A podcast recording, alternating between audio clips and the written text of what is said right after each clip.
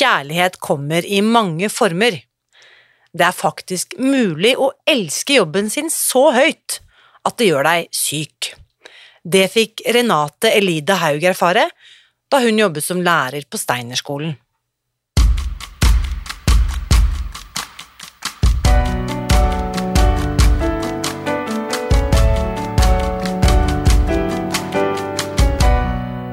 Mitt navn er Irina Lie. Jeg er journalist og forlegger, gründer og sosial entreprenør. I 2015 spiste jeg meg fri fra overvekt og fedme etter å ha slitt med vekt, kropp og følelser i nesten 30 år. Etter at jeg knakk koden, ga jeg meg selv et nytt oppdrag – å dele denne kunnskapen med alle som trenger det. I denne podkasten kan du derfor høre hele lydboken Spis deg fri. Den finner du ved å bla deg tilbake i arkivet og lytte til første sesong.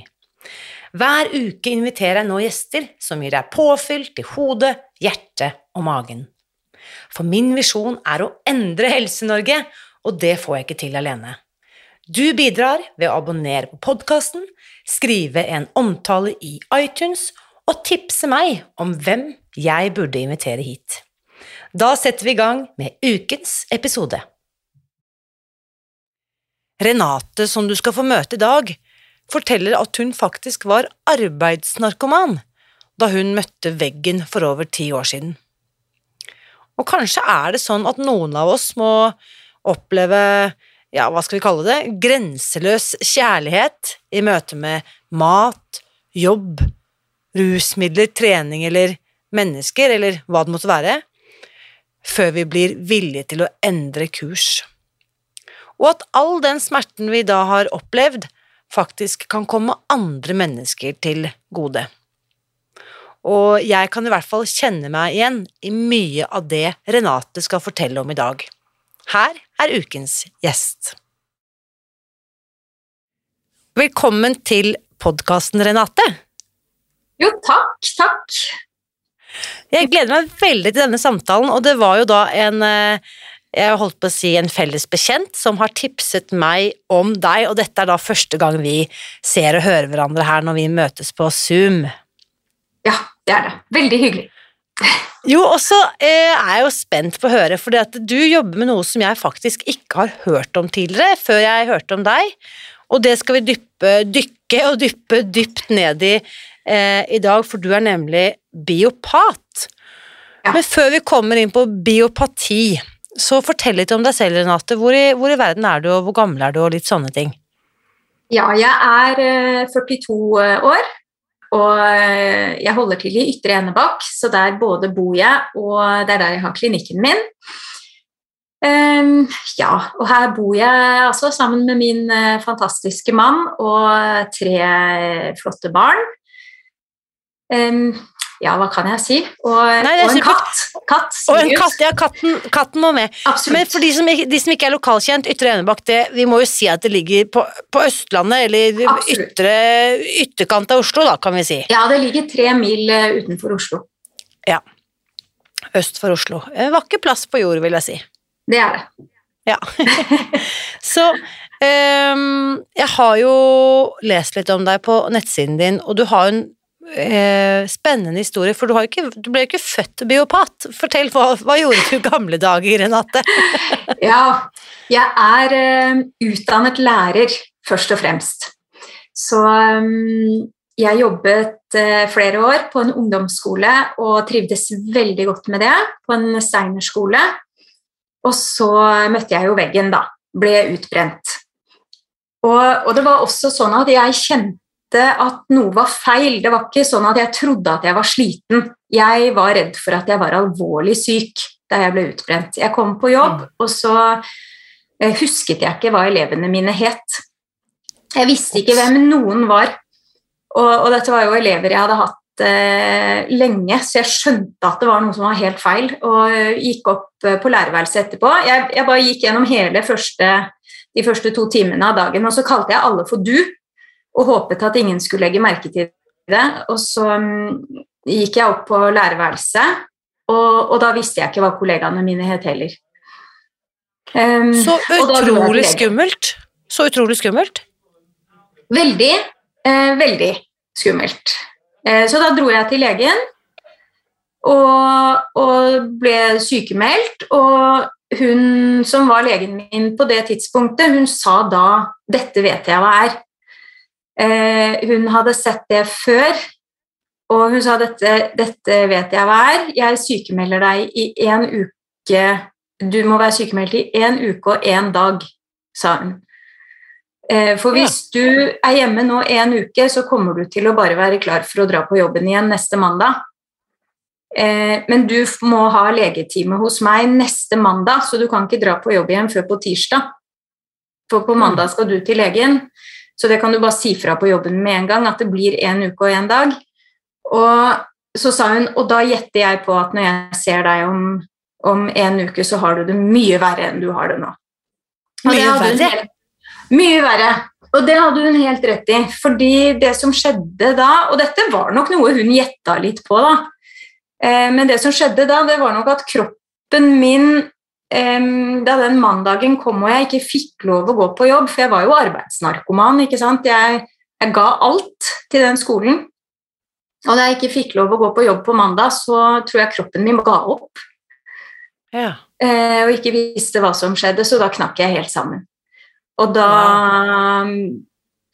Da dro jeg jo til legen, men det var Da bare gråt jeg, og da, da fikk jeg fullstendig sammenbrudd. Og de ukene som kom etter det, så ble det sånn at jeg klarte ikke å stå opp av senga, og, og, kroppen bare gradvis sluttet å virke. Og så ble jeg sykere og sykere, og så til slutt så Ja. Så måtte jeg bæres mellom seng og sofa, rett og slett. I, jeg, må, jeg, må, spørre, når dette først inntreffer, denne mandagen der du ikke husker navnet på elevene dine, hvor gammel er du da, mm. Renate? Uh, ja, hvor gammel var jeg da? Det var i 2010. Så det er jo uh, Det er 30 år, år siden. Så du var 30 år gammel. Mm. Mm. Og så blir du sykere og sykere. Dette høres ut som en ganske skummel prosess. Eh, ja. Hvor mange måneder eller uker varer denne nedadgående spiralen? Eh, mange. Eh, da var jeg sykemeldt eh, lenge, i, eh, i, mange måneder. Og eh, legene var egentlig ikke interessert, så på en måte den første Eh, jeg holdt på å si hjelpen jeg fikk. Det var vel kanskje ikke så mye hjelp heller, men jeg forsto i hvert fall hvor syk jeg var da. Denne første legetimen min. Men, eh, men jeg tok, tok, jeg tok én blodprøve, eh, faktisk. Syke, jeg så jo på sykemeldingene mine i ettertid. Jeg orket ikke, jeg leste ikke sykemeldingene mine på den tiden. Jeg orket liksom ingenting. Men, men, jeg så jo på de i ettertid, og på alle sykemeldingene mine står det slapphet, eh, slitenhet, og på noen få står det psykisk ustabil. Det står litt forskjellig. Eh, og ingen sjekka noe. Men eh, jeg var jo veldig sikker på at det var noe som var helt feil, og jeg trodde jo heller ikke det var psykisk. Um, og nå er, mener jeg bestemt at vi skal ikke skille så veldig hardt mellom psykisk og fysisk. Det har jeg aldri, aldri helt forstått hvorfor man gjør. Mm. Men, eh, men, for meg var det liksom åpenbart at her er det noe feil i kroppen, fordi det skjedde så akutt, da. Mm. Eh, rett og slett. Og jeg hadde det veldig bra på jobb. Jeg elsket jobben min. Så legen din, som da kan nesten i hvert fall forespeiler deg hva som skal skje sånn umiddelbart, at du kommer til å bli dårligere og føle deg verre. Ja. Forutså hun? Visste hun? Skjønte hun at du kom til nå at, at, du var på vei nedover i en eh, bratt dal? Ja, det visste hun. Men hun visste ikke hva hun skulle gjøre med det, og hun sa også til meg at grunnen til at hun skjønte at jeg var utbrent Hun sa du er utbrent, eh, og liksom brukte de ordene. Det sa man jo ikke på den tiden, det var ikke godkjent. Det var ikke en diagnose heller på den tiden kom jo senere. Eh, men det hun sa, var mannen min er lærer, moren min er lærer, og søsteren min er lærer. Og wow. dette har jeg sett før, sa hun. Ja, Yrkesskade kan vi kalle det. da. ja, kanskje mm. det. Så det var nok det som var Det var nok ikke det at hun hadde noe spesiell kompetanse på området, det var rett og slett at uh, dette så kjent ut. Mm. Ja. Så hun, hun, hun skjønner, hun intuitivt eh, forstår at dette er dette jeg har sett før hos mine nærmeste, du er utbrent, du har møtt, eh, møtt denne berømmelige veggen, så hun kan korrekt liksom diagnostisere deg, men hun har ikke noen medisinering, eller hun har ikke noen behandling. Nei, da får jeg beskjed om at jeg må hvile. Ja. Ja. Og du hviler deg altså mer og mer sliten, og så til slutt at du er så lavt nede at du ikke kan bevege deg fra sofaen til sengen, som du sier. ja. Det er Ja, rett og slett. Kan du bare beskrive litt av hvordan dagene da ser ut, når du da er 30 år og har vel i hvert fall eh, ett, om ikke to barn på denne tiden? Ja, på denne tiden har jeg to barn. Eh, nei, det var helt forferdelig. Eh, jeg tenkte jo da Jeg visste jo hva ME var. Det var en diagnose jeg kjente til, og jeg tenkte Og jeg, og jeg kjente jo til eh, mennesker som på en måte hadde det, og jeg så jo for meg dette Da blir man aldri frisk. Jeg hadde jo noen forestillinger om hva, hva det betyr når noe er kronisk, at da er det for alltid. Mm. Um, jeg vet, som jeg vet jo nå at, at det ikke stemmer, men, men dette var jo liksom sånn jeg så det for meg da, at nå har jeg på en måte ødelagt Jeg har ødelagt livet mitt, eh, tenkte jeg da. Ja. Eh, jeg kommer aldri til å kunne leke med barna mine igjen. Jeg hadde jo da en Mm. sønn på, på to år, da. Forferdelig. Mm. Så, så det var eh, Det var eh, ordentlig tøft. Men det var jo det også som gjorde eh, For dette var jo det som gjorde at jeg, at jeg ble biopat, egentlig. Ja, fordi, for å foregripe litt, så du går aldri tilbake til læreryrket, eller hvordan er det? Um, jo, det Jo. jeg, jeg, Men du, du fortsetter i hvert fall å utdanne deg? Ja, det jeg gjorde Jeg er nemlig vokst opp eh, Så nå, nå kommer det litt skryt av min mor her, da. Skryt i vei, mødre fortjener all den skryt de kan få. Ja, Alltid. ikke sant? De gjør jo det. Jeg er vokst opp med en mor som, er, som det er veldig mye tak i. Eh, og da jeg ble syk også, så var jo hun på en måte den første til å både vise omsorg, men også liksom minne meg på stadig vekk at eh, man må ikke slutte å lete etter løsninger. Jeg har også vokst opp med et sånn livsstil eh, at vi, var aktive, vi var sunne, vi spiste bra mat. Jeg har nok hatt et over gjennomsnittlig godt kosthold, tror jeg, i oppveksten. Så dette her var jo noe jeg hadde veldig i bevisstheten. Alltid. Og da jeg forsto, da jeg virkelig forsto at jeg kommer ikke til å få hjelp av en lege til å finne løsningen, og det tok jo lang tid for meg å skjønne det, for det gikk veldig sakte opp i eh, toppen på den tiden her, men da skjønte jeg jo at jeg må lære meg det selv. Em, Og da begynte jeg rett og slett å studere. Jeg begynte å lese meg opp. Jeg leste først mye på egen hånd, og jeg er såpass nerd at da går jeg for faglitteratur og Eh, og det kan man jo bare kjøpe. Man trenger jo ikke å gå på et studie for å kjøpe faglitteratur. Så jeg leste meg opp, og jeg lette etter studier, jeg så hva jeg har gjort før. em, Mm. Hva jeg har gjort i andre land. Hvem har erfaring med dette her? Uh, uh, og disse symptomene. Og så endte jeg jo opp da med å finne eh, dette biopatistudiet eh, som, eh, som de hadde på Tunsberg medisinske skole. da. Mm. Eh, og tenkte at eh, hvorfor ikke? For nå sitter jeg og studerer her allikevel. Og, og jeg kan like gjerne ha en god lærer mens jeg prøver å finne løsningen. Så eh, fortell, hvordan skal vi forklare biopati, hva er det? Eh, biopati, det er Um, Kortest fortalt så er det jo eh, naturterapi, eller altså det er en, en type naturmedisin. Men uh, det er en god sånn blanding av uh, østlig medisin, hvor man tar utgangspunkt i mye gammel kunnskap.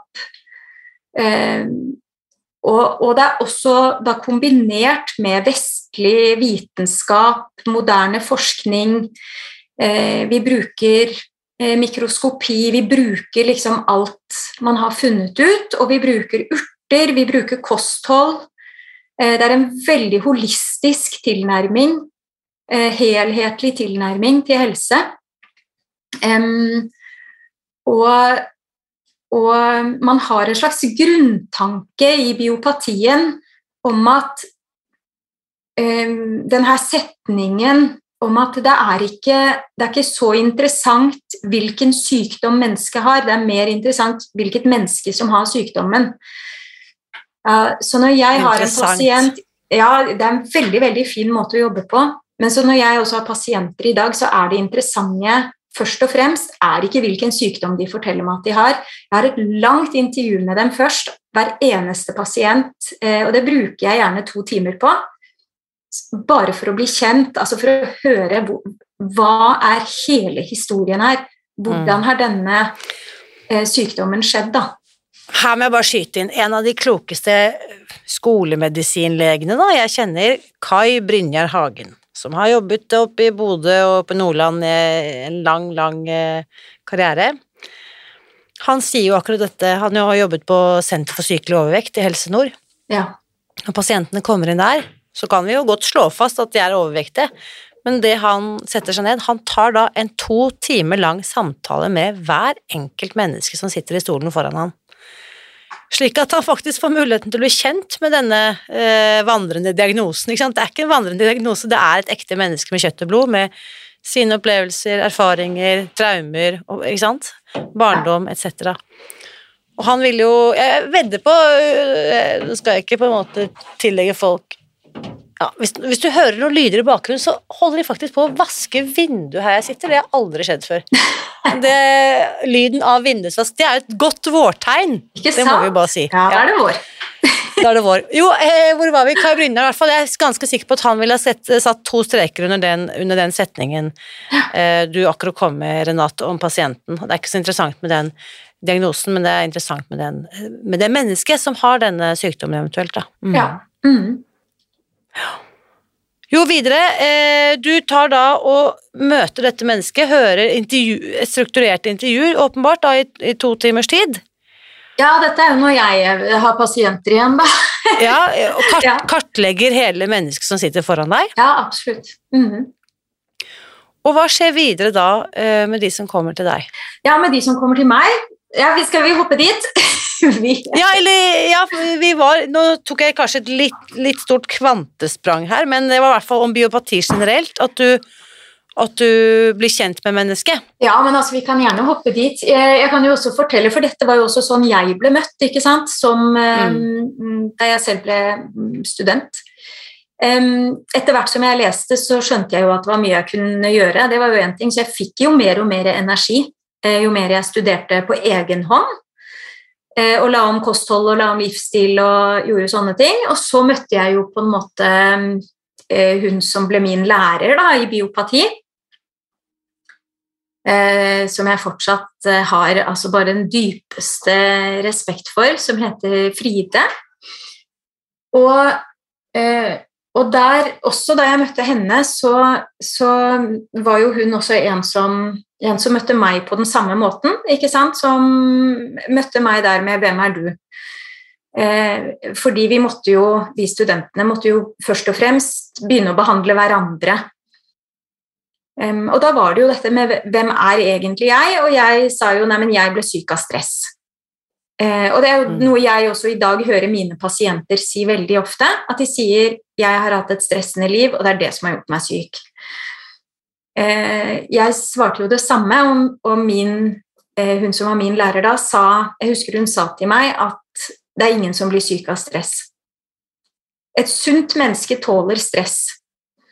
Ja. Stress er aldri grunnen til sykdom, men stress er en fabelaktig indikator på hva som er vårt svakeste ledd. Mm. Wow. Um, ja, og så måtte vi liksom spole tilbake, og så måtte jeg jo innse at denne sykdommen som jeg hadde, hadde jeg jo levd på meg ikke sant, over flere år.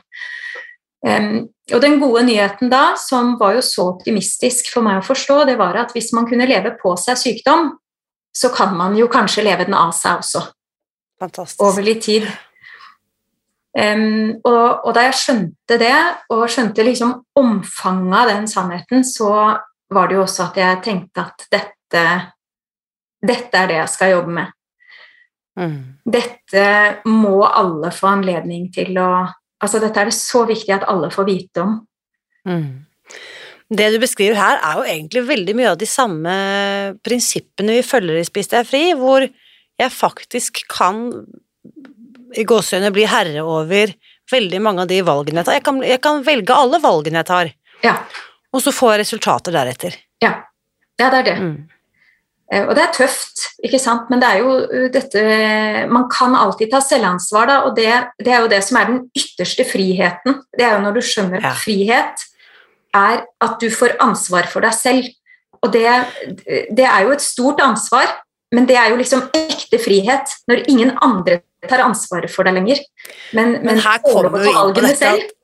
Dette er jo ikke sant, vanskelig, ikke sant? for jeg, jeg vil jo ikke alltid ta det ansvaret. Jeg vil jo ikke alltid bli ilagt den friheten, for jeg vil så veldig mye gjerne, gjerne heller at uh, legen min tar det ansvaret, eller foreldrene mine, eller eh, at jeg gjør det alle venninnene mine gjør. Skjønner du hva jeg mener? At jeg på en måte ofte da tar meg selv og delegerer ansvaret mitt til andre som kanskje ikke nødvendigvis har mitt, hel, min helse i fokus. Nei, ikke sant, det er beintøft. Mm. Dette er tøft. Så ok, hvor altså snakker vi Jeg antar at Jeg hører jo, jeg skjønner jo eh, at dette, og du sier jo, dette er jo ikke noen quick fix, dette er jo ikke noen mirakelkur. Du studerer dette og tar noen små skritt da, i riktig retning. Ja. Hvilke resultater får du da i ditt eget liv? Eh, nei, altså jeg blir jo frisk. Um, det går sakte. Eh, jeg finner jo også ut hvor syk jeg egentlig var. Jeg hadde en svulst, um, viser det seg. Uh, og da jeg selv fikk litt mer energi og fikk lest meg litt opp og sånn, så skjønte, så begynte jeg jo å ane selv at det kunne være noe mer enn jeg uh, Altså at det var noe mer, da. Og så um, sa jeg dette til legen min òg, at jeg ønsket meg både en MR eh, og en CT. Altså at jeg, at jeg ville at han skulle sjekke at det ikke var Ja. eh, kreft eller svulst. Eh, For det var jeg redd for, og det, da lo legen min av meg, faktisk. Ja. Um, så det endte med at jeg, eh, jeg måtte gjøre det privat og betale for å ta disse testene selv. Wow. Og, eh, men så, og da fant de en svulst på skjoldkjertelen, så jeg hadde jo en hormonbalanse sikkert som var helt forstyrret. Ja. Og, og som Jeg vil jo kanskje tro at det kan ha vært mye av årsaken til, til de problemene jeg hadde hatt, da. ja. Um, Så ja.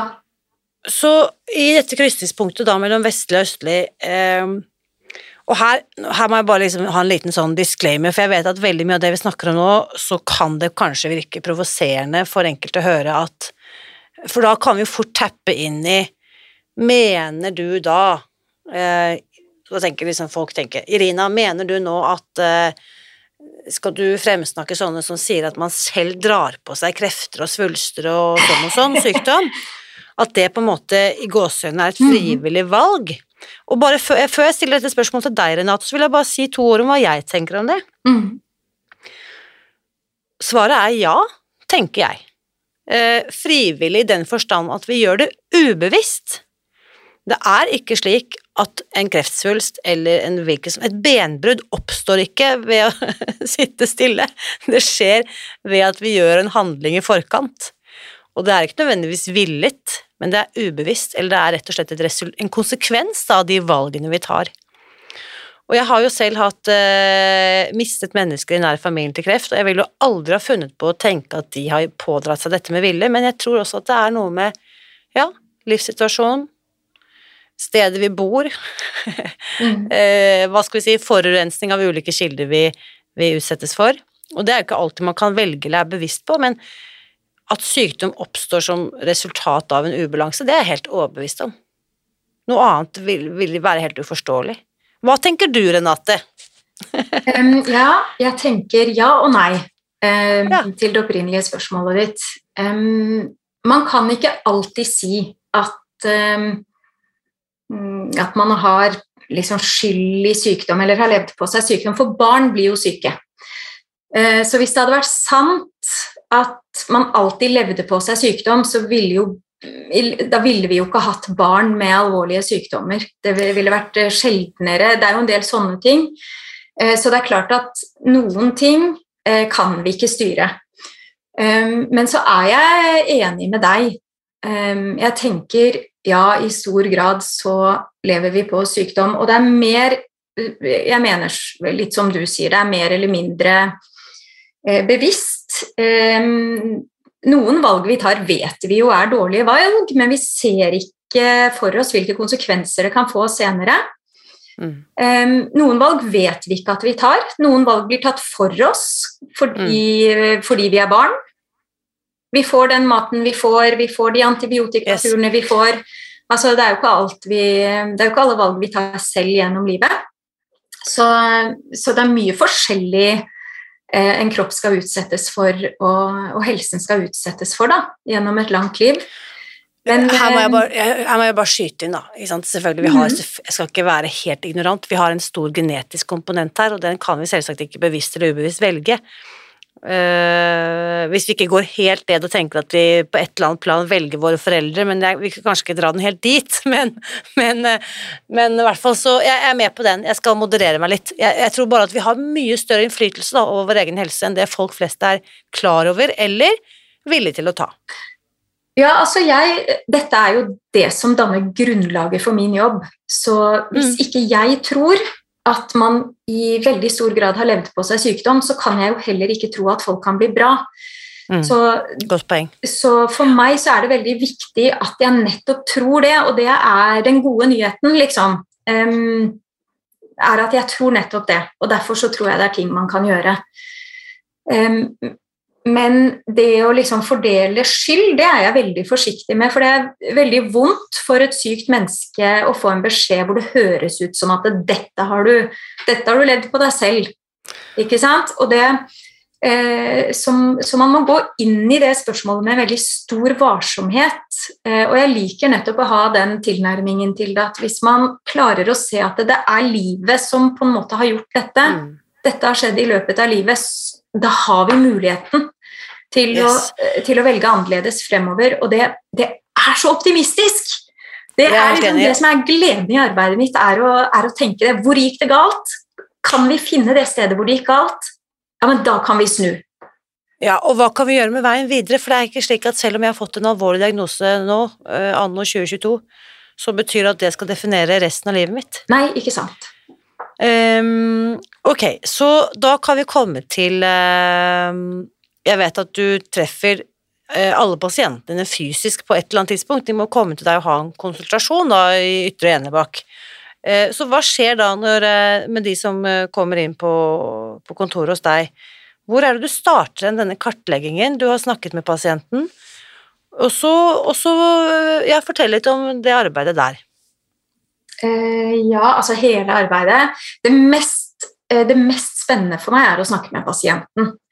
Eh, å se ansiktene, se kroppsspråket. Er det mye kroppsspråk? De, Hva sier kroppen? Noen sier jo med ordene sine 'jeg er så sliten, jeg har ikke energi', og så sitter kroppen og dirrer. Og du ser jo at eh, denne kroppen eh, er jo ikke tom for energi, ikke sant? men mennesket føler seg tom. Mm. Altså det å finne de små tegnene og, og, det som jeg kan finne bare ved å egentlig snakke med mennesker og møte dem, det er veldig viktig for meg. Og ellers så, så spør jeg om alt. Altså Her inne på mitt kontor så eh, det er ingenting kan være skjult. Her er det jeg vil vite hvordan bæsjen ser ut, og hvor ofte man går på do, og, og, hvordan er det med mensen, og når begynte det, og hvordan har det vært før, og hvordan er det nå? Og det er liksom eh, så alt man er villig til å fortelle, det er jeg villig til å høre om. Um, og det er så verdifullt for meg. Uh, det noe Hadde du noen sykdommer som var typisk deg da du var barn? Noe du husker? Uh, og, og, du vet det man husker, er det som gjorde vondt. Uh, man husker ørebetennelse, og så husker man urinveisinfeksjoner. Du husker det verste. Mm. du husker hvis du har vært på sykehus ofte når du er barn. Så, så, det er jeg så interessert i. Hva, hva husker man? Um, Men så tar du også blodprøver. Ja. Eh, altså klassiske Er det sånn stikk i fingeren-blodprøve, eller er det sånn uh, ut av åren-blodprøve? Nei, det er stikk i fingeren. Så Ja. um, det er rett og slett til uh, mikroskopi, Uh, hvor jeg gjør noe som heter mørkefeltmikroskopi. Det er litt sånn typisk biopatisk, tror jeg. Veldig, veldig spennende, hvor man studerer levende blod. Så der kunsten er å liksom ikke ødelegge blodcellen, eh, eller blodcellene når man henter ut dråpen, og så ligger det et sånn mørkt felt over lyset på mikroskopet, sånn at lyset kommer inn fra siden og lyser opp prøven. Og det er, Nå høres dette litt nerdete ut, men det er altså så spennende. For det, det blir sånn som det er på våren eller høsten når sola står litt lavt og kommer sånn sidelengs inn gjennom vinduet, og så plutselig så ser du alt rusket som er i lufta. Ah, Så ser du alt spennende. støvet. Ikke sant? Bare når sola kommer inn fra den vinkelen. Og det Ja, ja. er det eh, jeg ser etter da i en prøve. At det er ikke så interessant for meg å se dette vakre røde blodbildet, men å se alt rusk og raske rundt. Wow. Um, og det eh, forteller meg jo eh, så mye, ikke sant. Eh, Kan indikere så mange forskjellige ting. Så det er eh, veldig spennende, og så er det så vakkert. Så Ja. eh, jeg er elsker å, å, å se på dette her. Det det er noe av det vakreste jeg ser.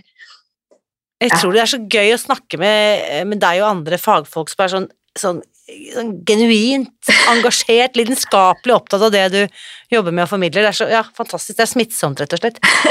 Så, så basert da på liksom de kliniske funnene, for å kalle det det, og samtalene du har hatt, så øh, er det jo da eh, Kan vi ikke bruke da et eksempel La oss bruke deg som eksempel, Renate. Renate. Det er jo mest nærliggende her. Ja, Så her sitter denne unge kvinnen i stolen foran deg, hun har den og den hjemmesituasjonen, de og de fysiske og psykiske eh, Denne sykdommen uttrykker seg på denne måten, og blodprøvene viser ditt, dette og datt. Så hva er da på en måte behandlingsregimet? Hva vil en klassisk biopat be deg om å gjøre? ja. Og, og nå er det jo at det blir tøft, da. For det som skjer eh, da, det er jo at da får man det som heter en biopatisk eh, protokoll. Eh, Det er det man går ut herfra med, eller det er det man alltid vil få av en biopat, vil jeg tro. Og da er det Da går det mye på kosthold. Det er liksom punkt én, det sier jeg det er det viktigste, og det kan alle i gåsetegn klare. Eh, og med det så tenker jeg økonomisk. og da er det jo matvarer som må kuttes ut, noen matvarer må innføres. Eh, det er veldig strengt. Det er ikke ment som å være en diett, eh, det er ment som å være en kur. Så det på en måte kostholdsregimet som jeg gir pasientene mine etter første timen, det er en kur som skal vare en viss tid. Eh, Og hvor, hvor mye er en viss tid i din verden? ja, Det kommer jo veldig an på pasienten, da. For der er det igjen forskjellig. Så hvis dette er en pasient som egentlig er frisk og rask, men har fått en, eh, en, en skade som jeg tenker ja, men dette er kanskje bare en akutt slitasjeskade, eh, dette er en smerte, det er en betennelse i kroppen vi må få ut, ikke sant? men det er ikke så lang forhistorie, så er det jo en kort affære. Da er det et par måneder kanskje, og så og så tenker jeg at vi kanskje kan klare å kvitte oss med den betennelsen. Eh, hvis det er en, eh, sånn som det var i mitt tilfelle, 30 år gammel kvinne, eh, har jobbet på seg dette helt tydelig over flere år, det er veldig alvorlige symptomer. Jeg har vært hos legen, hun eller hun, funnet ut at, at det har oppstått en svulst, ikke sant? den var godartet, har dermed også gått med hormonforstyrrelser i flere år. Så det er jo en kropp veldig ute av balanse. Eh, Da, jeg er nok typisk en hvor jeg ville sagt her må vi være forberedt på at det kan ta litt tid. La oss Og da snakker vi kanskje et år, eller? Ja, som biopat ville jeg nok tenkt det. Her tenker vi et Ja. år. Men det ville jeg aldri sagt. Da sier jeg la oss begynne med tre måneder. Ja. La oss tenke at dette gjør vi i tre måneder, og etter tre måneder så ser vi eh, hvordan det går. For det er Mm. viktig også at man tar skritt for skritt, at det ikke blir et sånn evighetsprosjekt. Eh, og jeg vet jo av erfaring at som oftest så merker pasientene forskjell etter, eh, etter ganske kort tid. Yes. Så hvis man har noen sånne litt kortere tidsintervaller eller tidsmål, så ser man ah, men nå merker jeg at, eh, at den her eh, tåkete tåkehjernen yes. liksom forsvinner og Ikke sant? Her har jo etter hvert liksom eh, anekdotiske bevis fra hundre, et hundretalls, tusenvis faktisk etter hvert, med personer som følger SPCFI-protokollen, for å kalle det det. Og de aller, aller fleste opplever jo en førstforverring, eh, hvor ting blir ekstremt mye dårligere. Den er såkalte detox, avrusnings-, avgiftningsfasen, ja. de første tre, fire, fem døgn. Og så i løpet av 14 dager, så 90% vil jeg si har opplevd en total forvandling i løpet av 14 dager ved å kutte ut sukker og mel, da, som vi gjør. Ja. Uh, jeg vet ikke, er det, noen, er det noen Hvilke ingredienser er det som går igjen i din protokoll som du ber pasienten kutte ut? Er det noen sånn shortlist der? Ja, det er så godt som alltid sukker. Uh, for det er alltid sukker. Mm. veldig betennelsesfremmende. Um, og så varierer det litt hvor streng jeg er på frukt og sånne ting. Uh, veldig syke pasienter må kutte ut alt av sukker. Da får de heller ikke spise frukt. Mm. Eh, jeg kan kanskje godta noen bær. Vi blir enige om noen sånne ja. mellomting som man kan kose seg med. Men, eh, men, jeg er der. Altså sukker, eh, raffinert mel, melk At man tar bort de tingene som, som har lett for å, å skape betennelser. Da. Ja. Mm. Er det nødvendigvis et vegetarisk eller et vegansk kosthold? Nei, det, det, er jeg ikke noe opptatt av. Der tilpasser jeg litt. Jeg tenker noen eh, har veldig godt av proteiner, og at det er litt viktig hva slags type proteiner man får i seg. Um, men jeg er veldig obs på det. Jeg pleier å spørre pasientene litt hva slags kosthold de er komfortable med å spise, og så legger vi til rette for at det blir den livsstilen de ønsker seg. For det er jo viktig at man skal kunne leve dette Eh, etterpå. Men, men, det er absolutt hendt også at jeg sier til veldig syke pasienter at nå skal du ikke spise kjøtt. Eh, du skal heller ikke spise rå grønnsaker. ikke sant? Alt må kokes, alt må forvelles. Eh, og når de begynner ja. å spise kjøtt, så må det være langtidskokt. De må koke kraft. Det skal være lettfordøyelig. Så, så her er det veldig forskjellig hva ja. sier til ulike. Hvor er du i forhold til sånn type fermentering og sånn? Uh, nei, jeg elsker jo fermentering uh, personlig. Mener jeg jo at uh, alle burde fermentere. men det er jo ikke noe jeg kan kreve av pasienter. Um, men jeg, jeg, pleier ofte å spørre er du en sånn som fermenterer. Hvis jeg, ja. Ofte så har jeg jo en følelse av det etter å ha snakket med dem i to timer, da. Så det er ikke alltid jeg spør. så da kan vi godt liksom putte på litt mm. fermentering for de som er motivert til å gjøre det. Absolutt. Og, og, og det som jeg digger i det du det, du, det jeg digger i det du forteller, Renate, er at det er jo en del ting som går igjen her, ikke sant, i forhold til uh, enten vi følger den ene eller den andre protokollen, og ingenting av det du sier her, står jo heller i motstrid mot vestlig medisin, sånn som du var inne på i stad. Uh, det er jo mer og mer forskning som støtter opp under det, akkurat de prinsippene du beskriver her, da. Absolutt, det er det. Så kunne du da fortelle noen, kanskje noen eksempler på pasienter du har eh, hjulpet, eller hva slags resultater er det som du har sett komme når pasientene tar grep i eget liv? Um, ja, og, ja, og nå må jeg være veldig forsiktig. det er jo sånn at jeg som, eh, som, eh, såkalt alternativ behandler, som jeg jo er, så har jeg jo ikke lov å behandle diagnoser, jeg har ikke lov å behandle sykdommer, jeg har ikke lov å behandle liksom noen ting. Så, og når pasienter kommer til meg, så sier de jo gjerne, ikke sant, så kommer de jo med diagnosene sine og sykdommene sine og, og det de har. Um, og de har vært syke lenge, og, og, og de kommer fordi de, fordi de ikke hjelper, da. Og da har de ofte vært syke i mange år. Og jeg sier, da må jo da si til alle at jeg kan ikke behandle denne sykdommen. Min jobb er å behandle Jeg kan hjelpe deg å behandle kroppen din, sånn at kroppen din kan bli i bedre stand til å um, helbrede denne sykdommen på best mulig måte. Jeg kan støtte opp om den behandlingen du får av lege, ikke sant? og hvis de er veldig syke, uh, så må de um, snakke med legen sin. Da krever jeg at de snakker med legen sin og forteller mm. at de går hos meg.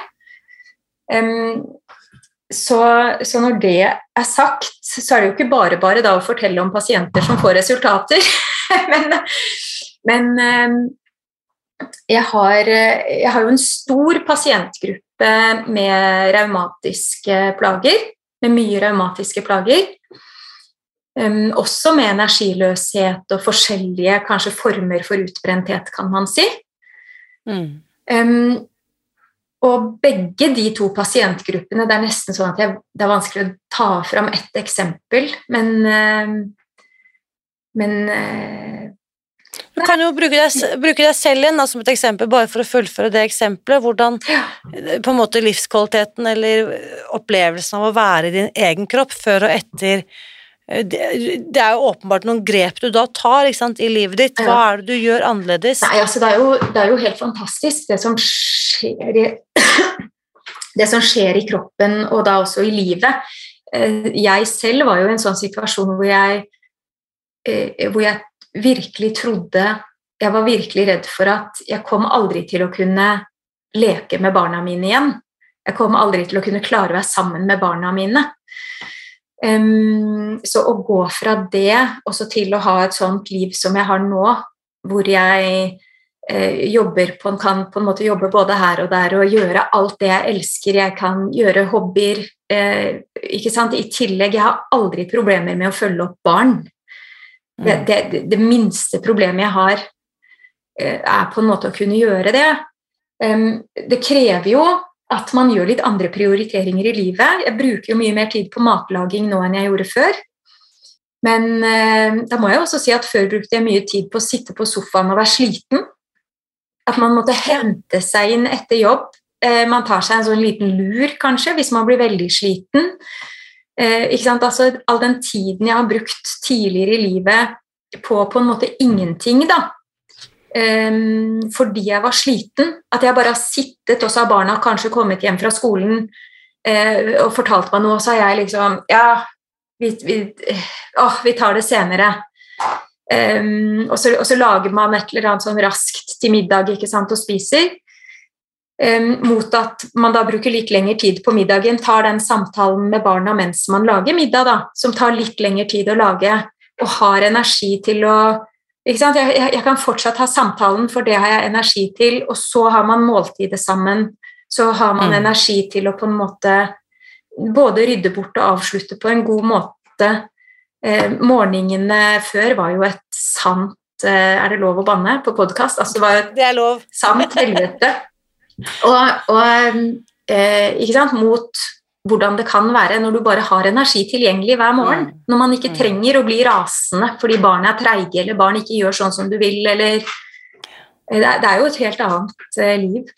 Jeg kan fortelle altså det, det mest En av de pasientene jeg har hatt som, som, har gjort mest inntrykk på meg Jeg skal våge meg til å fortelle om eh, en pasient, og det en, var en ung gutt og han kom til meg med en uh, veldig alvorlig diagnose og fikk behandling hos lege. Og, og, så vidt meg bekjent visste også legen at han gikk til meg. Han hadde, uh, hadde en alvorlig tarmsykdom som han ikke kan så vidt han visste, da ikke kan bli frisk av. Den, den, hadde han fått beskjed om at han skulle slite med resten av livet, og han var blitt forespeilet eh, mye medisiner og, og behandlinger.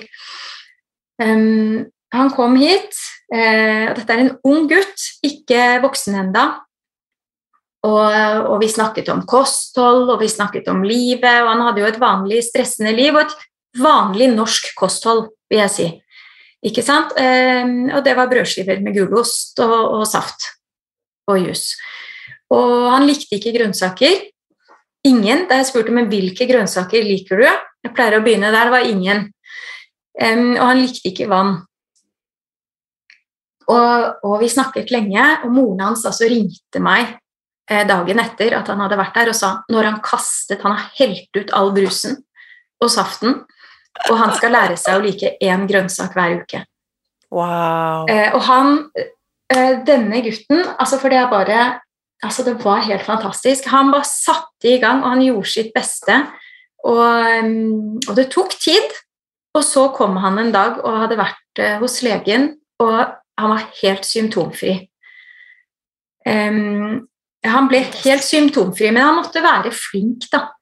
Og så husker jeg så godt en av de dagene han var her på oppfølging, og, han fortalte at han hadde vært hos legen, og legen sa nå har du hatt veldig flaks.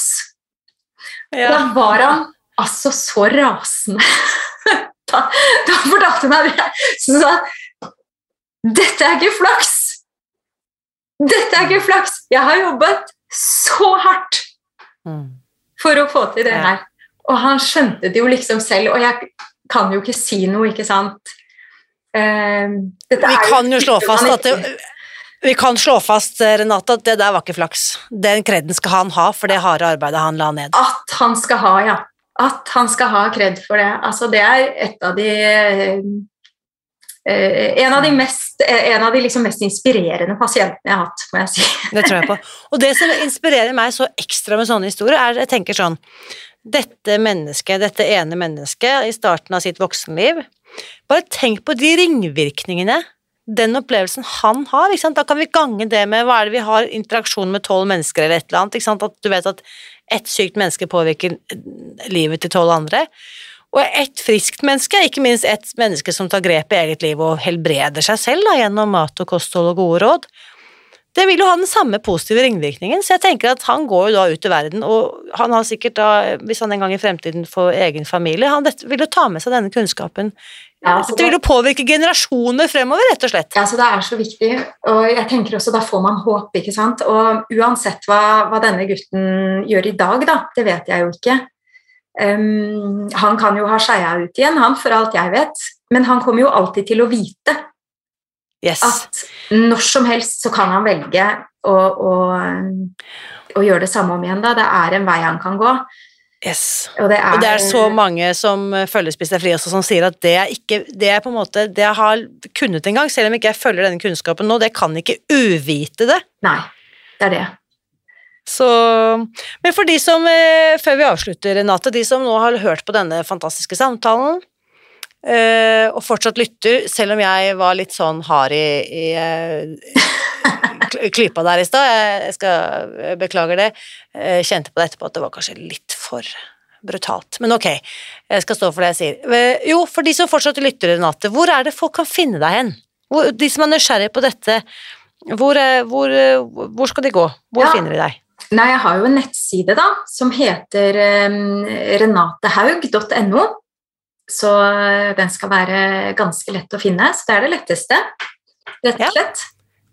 Og så er du jo på Instagram òg? Jeg er på Instagram, og ehm, da har jeg helt nå eh, nylig åpnet en sånn Biopat-Instagram-konto, så den heter vel biopat-renate Haug. Det er ikke der jeg har deg, skjønner du. Nei, nei, du har ikke det, for du fant meg jo via en venninne, så du har meg jo nei. via litt mer sånn privat. Å ja, derfor. Da skal ikke jeg si den. Det, men da, du, da, må du bare gjenta en gang til. Da skal jeg, da skal jeg følge deg også på din uh, biopatside. Jeg, jeg, tror du gjør det. Eh, jeg tror du har lagt den til, men den er etter. Ja, gjenta sa du brukernavnet til Instagrammen din. Ja, biopat understrek Renate Haug. Da har vi det her, vet du. Der, nå har alle fått med seg både nettsiden renatehaug.no og på Instagram. Altså, jeg har funnet så mange morsomme mennesker på Instagram. Altså, jeg blir bare Altså, er det så gøy å møte deg på ekt. Ja, ikke sant? Eh, ikke sant? Men da vil jeg bare si eh, tusen takk for fantastisk hyggelig samtale, Renate. Og så bare gleder jeg meg nå at enda flere, og ikke bare jeg, har lært hva biopati er, eller i hvert fall fått en, på en måte en noen knagger da, som jeg kan uh, vite om. Eh, sånn at uh, Altså, jeg, jeg, jeg, har så tro på at jo mer kunnskap vi gjør tilgjengelig for flere jo, For det er jo ikke sånn at én metode passer for alle, så derfor må vi vite om flere metoder. Ja, det, ja. Slik at alle kan finne det som passer for seg. Ja, nei, det er så viktig. Mm. Rett og slett. Fantastisk. Og så bare la oss holde kontakten. Absolutt. Dette var veldig hyggelig. Tusen takk. Nå lurer jeg på, hva er din takeaway etter å ha hørt min samtale med Renate i dag? Bli med inn i Facebook-gruppen Spis deg fri, og fortell hva du syns var spesielt tankevekkende, eller hva som inspirerte deg i denne episoden. For grunnen til at jeg deler disse samtalene med deg fra uke til uke, er jo nettopp det. Jeg håper at du skal plukke opp noen gode ideer eller få noen tips som du kan få bruk for i ditt liv. Jeg vet jo nemlig det at det finnes ikke én løsning eller én behandling eller én terapeut eller én lege som passer for alle. Derfor tror jeg det er så viktig at alle får tilgang på en buffé av mennesker og meninger og muligheter, sånn at hver og en av oss kan velge de løsningene og de menneskene og de meningene som passer best for oss selv, uavhengig av hva andre måtte mene eller tro. Så hvis du har tips til hvilke andre eksperter eller behandlere eller meningsbærere som jeg burde prate med i denne podkasten, så vil jeg gjerne høre fra deg. Du kan sende meg dine tips ved å gå til spisdegfri.no tips.